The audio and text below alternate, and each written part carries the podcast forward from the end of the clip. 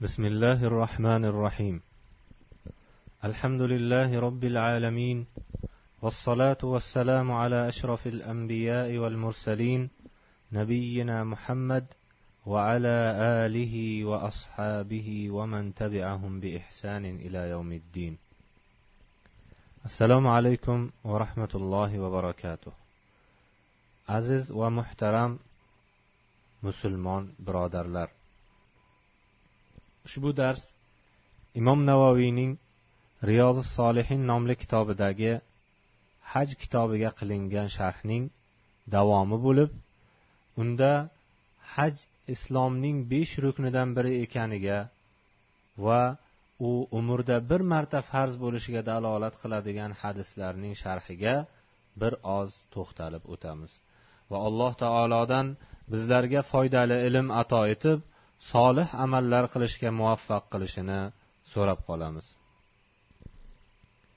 وعن ابن عمر رضي الله عنهما أن رسول الله صلى الله عليه وسلم قال بني الإسلام على خمس شهادة أن لا إله إلا الله وأن محمدا رسول الله وإقام الصلاة وإيتاء الزكاة وحج البيت وصوم رمضان muttafaqun alayh.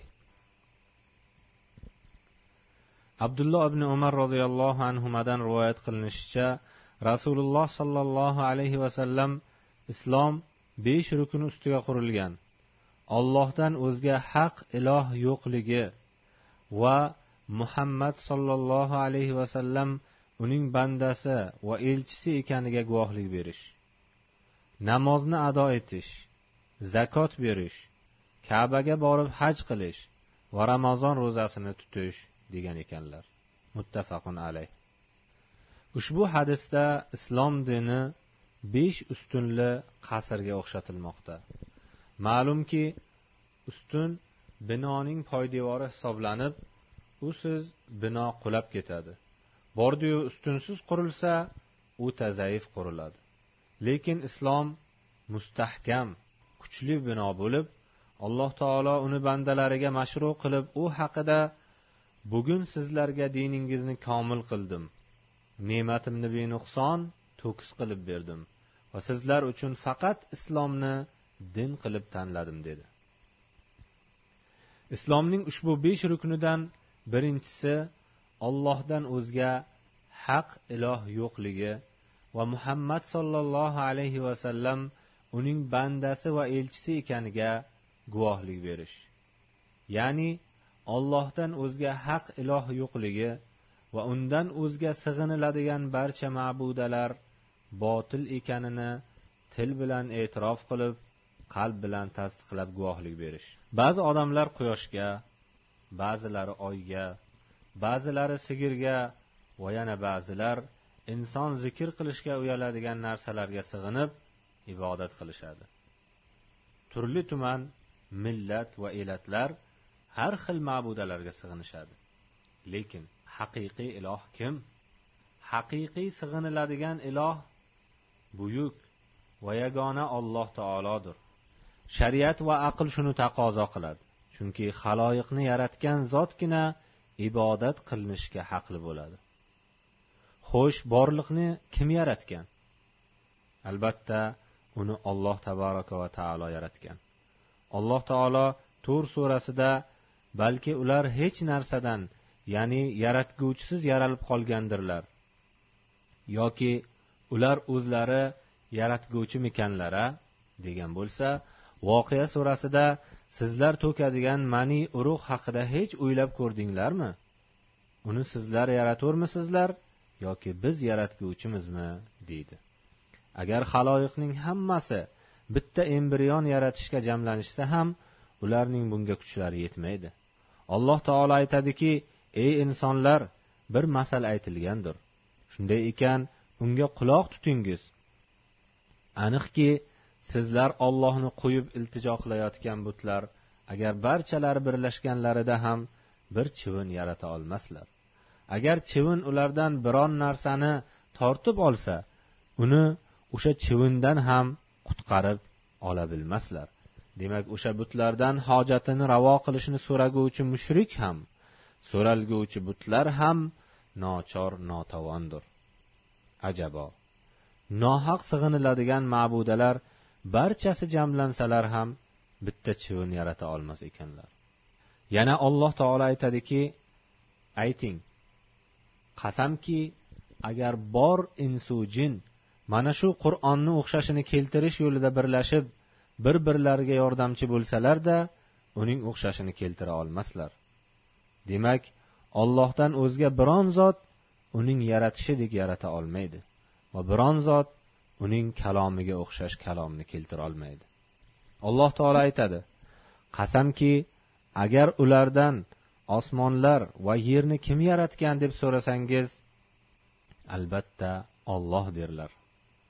Ey muhammad qasamki agar siz ulardan o'zlarini kim yaratgani haqida so'rasangiz albatta ular olloh derlar. Ey muhammad ayting kim sizlarga osmon va zamindan rizq berur yoki kim quloq ko'zlaringizga egalik qilur? Kim o'likdan tirikni chiqarur va tirikdan o'likni chiqarur? Hamda kim barcha ishlarni tadbir qilib turur? Ular albatta olloh deydilar. Demak ushbu ulug' sifatlar egasigina ibodat qilinishga loyiq bo'ladi. La ilaha illalloh shahodati ibodatlar faqat o'sha bilangina to'g'ri bo'ladigan ixlosni va muhammadun rasululloh mazmunidan kelib chiqadigan payg'ambarimizga ergashishni o'z ichiga oladi. Shuning uchun ham bu ikki shahodat bitta rukun hisoblanadi. Islomning ikkinchi rukni namozni ado etish bo'lib uning ma'nosi besh vaqt namozni o'z vaqtida shart rukun va vojiblarini to'liq bajarib uning mustahablarini komil qilib ado qilish degani. Uchinchi rukun zakotga haqli kishilarga zakot berish. Zakot arab tilida ziyoda bo'lish ma'nosida ishlatilsa shar'iy istilohda zakot maxsus mol egasiga maxsus moldan ma'lum bir qismini vojib qilishdan iborat ekan.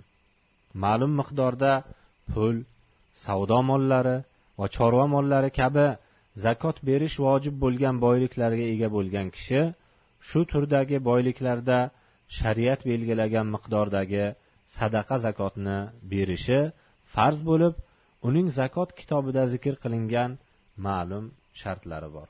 Zakotga haqli kishilarni esa alloh taolo tavba surasida batafsil bayon qilib shunday deydi. Albatta sadaqalar ya'ni zakotlar olloh tomonidan farz bo'lgan holda faqat faqirlarga miskinlarga sadaqa yig'uvchilarga ko'ngillari islomga oshna qilinuvchi kishilarga qullarni ozod qilishga qarzdor kishilarga va olloh yo'lida hamda yo'lovchi musofirlarga berilur. Alloh bilim va hikmat sohibidir. Mazkur kishilardan boshqa birovlarga berilgan zakot islom nazarida maqbul emas. To'rtinchi rukun haj ibodati bo'lib uning ma'nosini yuqorida aytib o'tdik.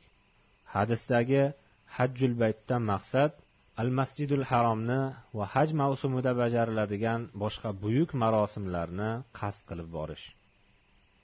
beshinchi rukun esa shabon va shavvol oylari orasidagi ramazon oyida ro'za tutib berish ramazon oyining fazilati va unda ro'za tutib berishning ajru savoblari haqida riyozi solihin kitobidagi kitabul fazoil ya'ni fazilatlar kitobida yetarlicha to'xtalib o'tdik وعن أبي هريرة رضي الله عنه قال خطبنا رسول الله صلى الله عليه وسلم فقال يا أيها الناس قد فرض الله عليكم الحج فحجوا.